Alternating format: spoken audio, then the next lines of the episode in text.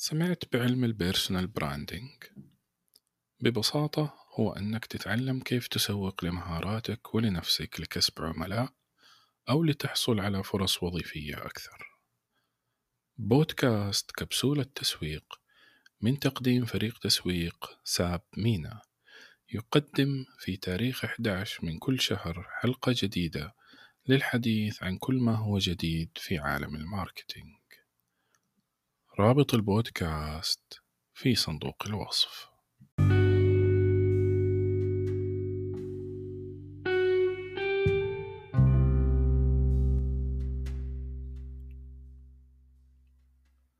مرحبا. أنا فراس عالم. وهذا بودكاست الرف الأبيض. الرف الأبيض يأتيكم بالاشتراك مع محتوايز. مرحبا يا صديقي. سأحدثك اليوم عن قصة بديعة كتبها الكاتب الراحل فرانك ستوكتون. تحكي القصة الخيالية عن ملك بربري من العصور الغابرة. كان لهذا الملك أسلوبه الخاص في إدارة البلاد. كان ذا أفكار تقدمية محبا للخير لشعبه لكنه كان كذلك يملك افكارا غريبة بعض الشيء. أحد تلك الأفكار الغريبة هي طريقته في محاكمة المتهمين بالجرائم الكبرى والتي تصبح حديث العامة وشاغل الناس. كان يقوم بحبسهم لفترة بسيطة قبل تقديمهم للمحاكمة لكن محاكمتهم تتم بطريقة عجيبة من ابتكار الحاكم البربري. تتم المحاكمة في حلبة كبيرة مهيبة يدعى لحضورها كافة أفراد الشعب وفي حضوره هو شخصيا. لكن تلك المحاكمة العجيبة تتم بلا قضاة أو شهود أو محامين. محاكمة يكون الحكم فيها بالبراءة أو الإدانة وليد الحظ السعيد أو التعيس للمتهم. تقتضي أحداث المحاكمة أن يستدعى المتهم ليقف في وسط الساحة المهيبة والفارغة إلا منه. الملك والشعب جميعا يملؤون المدرجات ويراقبونه في تحفز. في نهاية الحلبة هناك بابان معدنيان بالغا الثقل والسماكة يعزلان تماما كل صوت وحركة. عما يقبع خلف كل واحد منهما.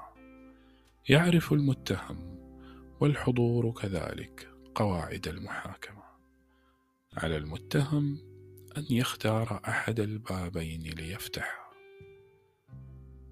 خلف أحد الأبواب هناك نمر شرس جائع لم يذق الطعام منذ أيام وبمجرد أن يفتح له الباب سيلتهم المتهم ويقضي عليه في دقائق معدودة. وفي هذه الحالة سيعتبر المتهم مذنبا نال عقابه المستحق بأن تقطع أوصاله أمام عامة الشعب. الشعب الذي سيصدم من هول المنظر وسينكس رأسه حزينا وهو ينصرف مع صوت الأجراس الحزينة. التي تعلن وقوع عقوبة الإعدام في البلاد.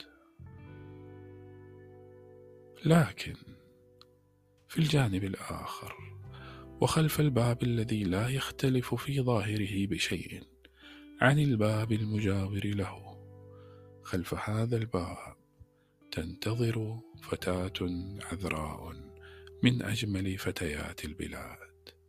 اختارها الملك بنفسه. لتناسب شخصية المتهم وسنه وذوقه وتم تزيينها بأجمل وأبهى زينة في حال كان سعيد الحظ واختار الباب الذي يخبئ الفتى عندها ستعلن براءته وستتحول الحلبة إلى ساحة عرس كبير وتنطلق المزامير ويعلن الزفاف وتلقى على العروسين الورود والزينات.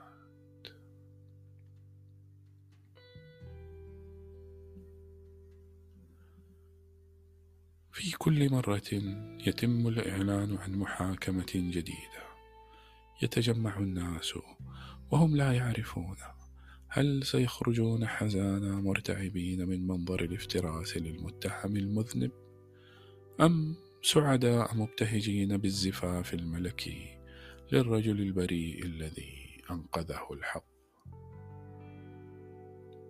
كان للملك البربري ابنة شابة في مقتبل العمر.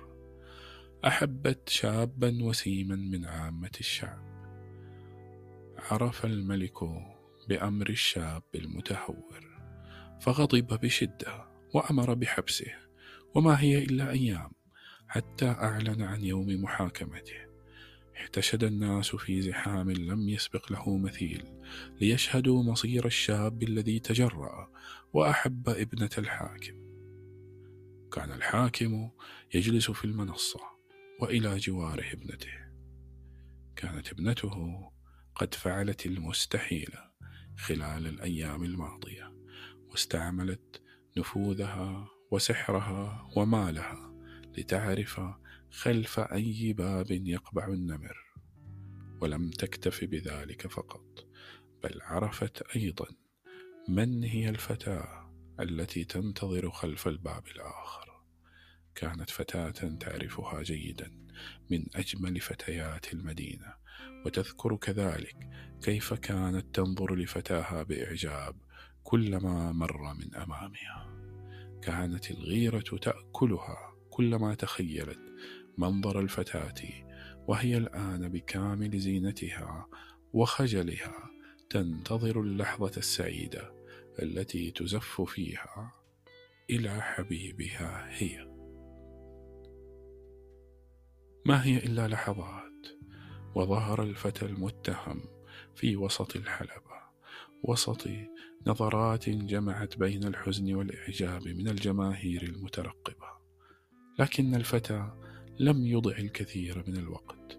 ركز بصره نحو فتاته عرف من أول نظرة تجاهها أنها تعرف تعرف كل شيء وبطرفة عين سريعة وجه لها السؤال الصامت.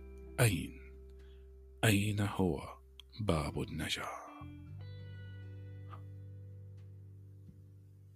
كانت هي في منتهى الوهن والشحوب لكنها أشارت بأطراف أصابعها إشارة خفية نحو اليمين وسرعان ما اتجه الشاب نحو الباب الأيمن لفتحه. هنا يتوقف الكاتب عن مواصلة الحكاية. ليراجع احتمالات اختيار ابنة الحاكم. هل سيتغلب عليها حبها فتنقذ الشاب من الموت؟ لكنها إن فعلت ستسلمه ليزف إلى غريمتها وستراقبه وهو يخرج مسرورا بحياته الجديدة مع امرأة أخرى وتفقده للأبد كما ستفقد اعتزازها وكرامتها كذلك. لكن ماذا لو ذهب شهيدا بين أنياب النمر؟ سيصبح شهيد حبها وستظل تعشقه إلى الأبد وربما خلدت قصتهما مثل قصص الأساطير. ترى ما الذي اختارته الفتاة؟ ما الذي ستختاره أنت؟ أو تختارينه انت. لنوسع مدى السؤال قليلا ونتخيل مواقفك التي تضطر فيها للاختيار كل يوم. هل تقدم فيها مصلحة صديقك أو زميلك؟ مضحيا بمصلحتك الخاصة. هل ستتنازل عن فائدة شخصية لك لأجل المصلحة العامة؟ وهل ستقبل أن ينالك بعض الضرر في سبيل الحق والعدل خصوصا إذا علمت أن أحدا لن يعرف أنك صاحب القرار؟ أم تفضل ألا تعاني أنت وتسلم قبل كل شيء وليكن بعدها ما يكون؟ إن سؤال الفتاة والنمر يتكرر كثيرا في حياتنا عشرات المرات كل يوم دون أن نشعر. ويبدو أن الإجابة الصحيحة له أصعب كثيرا مما نظن. طابت أوقات